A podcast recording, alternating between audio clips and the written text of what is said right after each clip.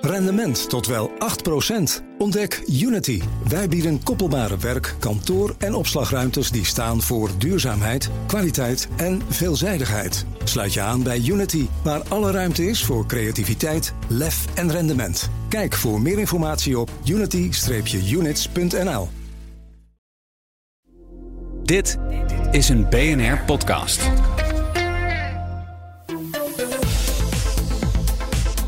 Blik op de wereld. En die komt vandaag van iemand die zich eh, na een lange termijn van afwezigheid gelukkig ook weer meldt. Onze Europa-verslaggever Geert-Jan Haan. Goed dat je er bent. Dank je Thomas. Het bleek eh, binnen toch iets warmer te zijn. Dus ik ben maar weer komen aanwaaien. Ehm, je wil beginnen in Amerika. Daar waren we eigenlijk met Edin ook al gebleven. We kunnen weer een naam van het lijstje strepen. Chris Christie wordt geen president van Amerika? Hij is zelf uit de race gestapt vannacht. Uh, is een uitgesproken Trump-criticus binnen de Republikeinse. Het keuzepalet vind je eigenlijk geen kandidaat die harder tekeer ging tegen het gevaar voor de democratie. Wat Trump in zijn ogen is dan uh, Chris Christie. Ja, wat hou je dan over in aanloop naar uh, Iowa en New Hampshire? Ook hier staat CNN aan en zien we hoe er wordt ja. teruggeblikt op het debat van vannacht tussen onder andere Haley en DeSantis. Nou ja, die hou je dus over. En Donald Trump.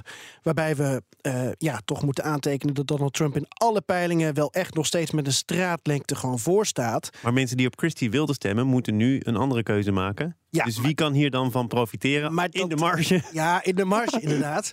En uh, uh, dan wordt er gezegd, nou, dat zou Haley kunnen zijn, omdat die uh, ook wat minder met Trump heeft, maar nog niet hele harde taal daarover heeft gebezigd. Ook vannacht niet echt. Tegelijkertijd, ja, als in aanloop naar New Hampshire weer een andere kandidaat eruit zou stappen, ik noem maar een Vivek Ramaswamy, het zou kunnen ja, dan zijn de kaarten weer anders geschud. En kun je zeggen, nou, weer een kandidaat in de marge eruit. Gaat dat dan richting Trump of DeSantis bijvoorbeeld? Dus het is allemaal een beetje koffiedik uh, kijken met uh, voor mij toch wel de belangrijke uh, kanttekening. Het lijkt vanuit ons in het Westen een beetje wensdenken dat Nikki Haley de normale tussen haakjes republikeinse nominatie moet worden. Um, ja, want Trump is gewoon bij uitstek de populairste kandidaat. Maar we, we zijn wel echt begonnen. Hè? We hebben het hier nu over uh, het debat in Iowa. We hebben het over een kandidaat die uit de race stapt... die eigenlijk nooit serieus ook maar enig zicht heeft gehad op uh, het Witte Huis. Waarom is het eigenlijk interessant om dat te volgen? Ook vanuit een Europees of een Nederlands perspectief?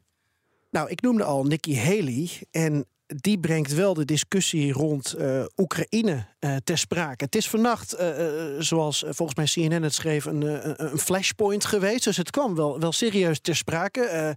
verhit, verhitte discussie tussen Haley en DeSantis over van... nou ja, wil jij nou een land als Oekraïne financieel steunen? Oftewel, hè, wil je eigenlijk het gevaar Rusland erkennen... en aangeven dat als Rusland zijn gang kan gaan in Oekraïne... dat je daarmee een vrijbrief geeft aan China ook zijn gang te laten gaan in Taiwan... Kortom, Haley heeft ervaring bij de VN als ambassadeur, ziet de wereldpolitiek. Dat hoeft niet per se um, jouw uh, blik op de wereld te zijn. Dat, dat, dat hoeft niet. Alleen vanuit waar we in het Westen of in Europa mee bezig zijn.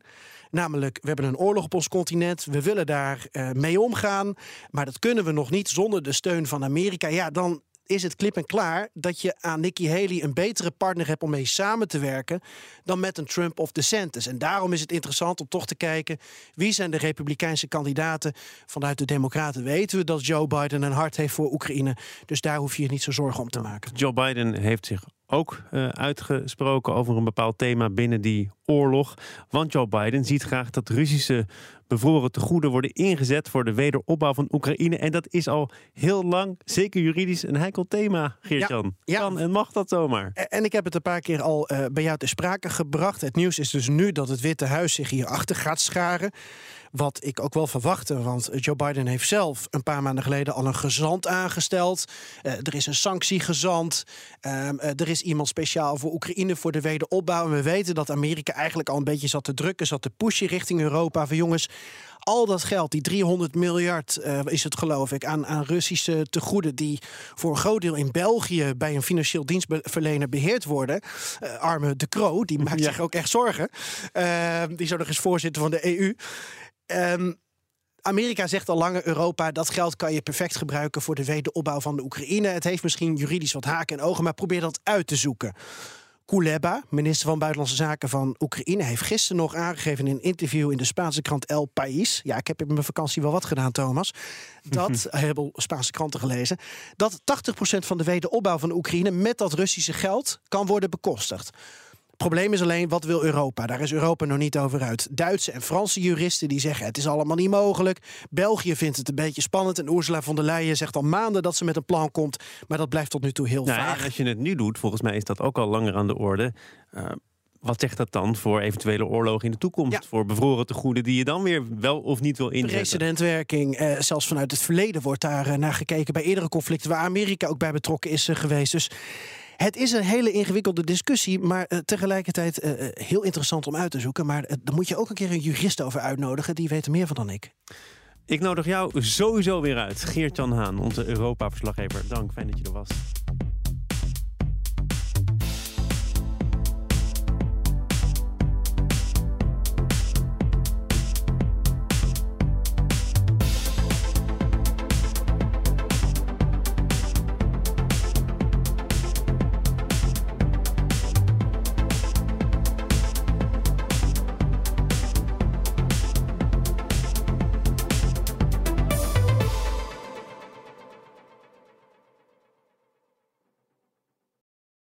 Rendement tot wel 8%.